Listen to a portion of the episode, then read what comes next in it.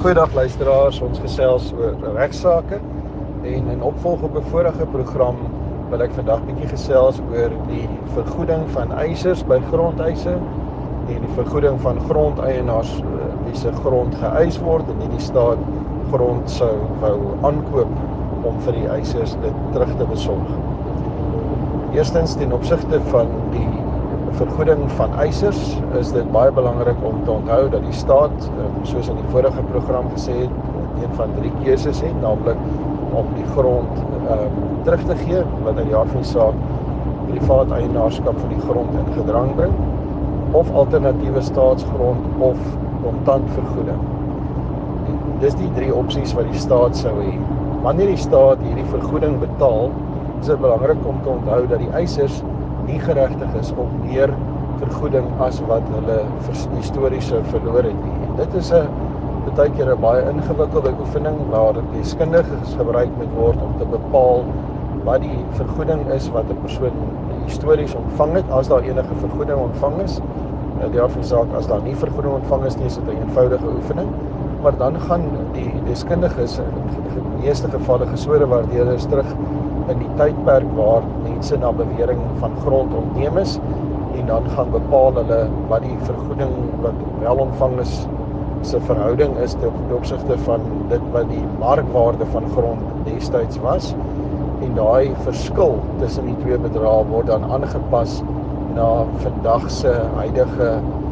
uh waarde of geldwaarde deur gebruik te maak van die verbruikers prysindeks. En dit is juis hier waar eh, in die gevalle waar eisers wel vergoeding ontvang het, dit, dit baie belangrik is dat die eh, gevalle in besonder waar grond teruggegee word, die eisers nie verryk word of meer ontvang as wat hulle histories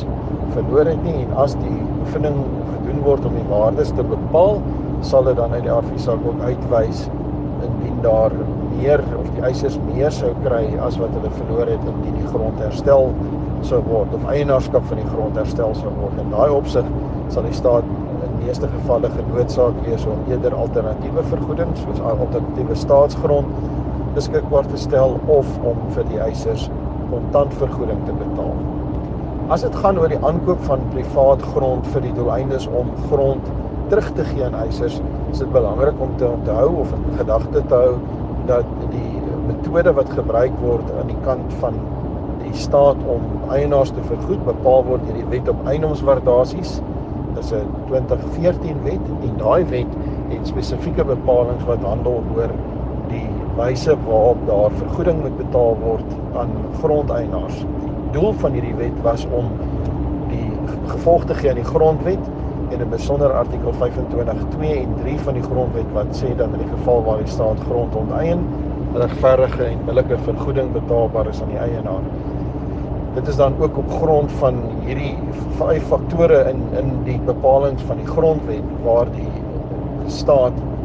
dan ook hierdie regulasies uitgevaardig het en gaan daar dan op volgens die regulasies onder die wet op eiendomswaardasies te werk gegaan word om 'n waarde van die grond te bepaal. Wat belangrik is is een dat twee van die faktore wat hierin 'n baie belangrike rol speel en 'n groot invloed het op die waarde en dit is dit is die markwaarde en die huidige gebruikwaarde van die grond. Markwaarde in die aard van die saak is 'n uh,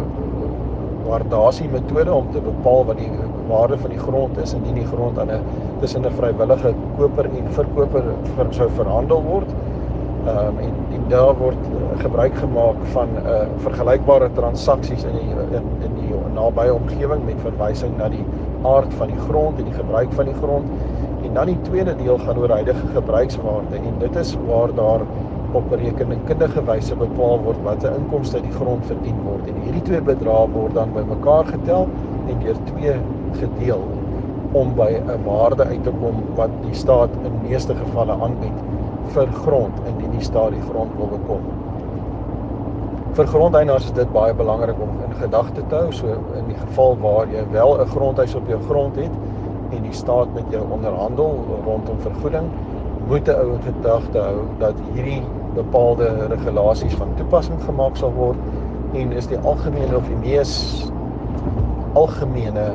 effek van die wet op eiendomswaardasies op markwaarde dat naamlik dat die markwaarde uh, aansienlik verminder word gaan in daai omstandighede daar ook minder aangebied word aan grondeienaars as markwaarde. Tot 'n volgende keer en dan gesels ons weer.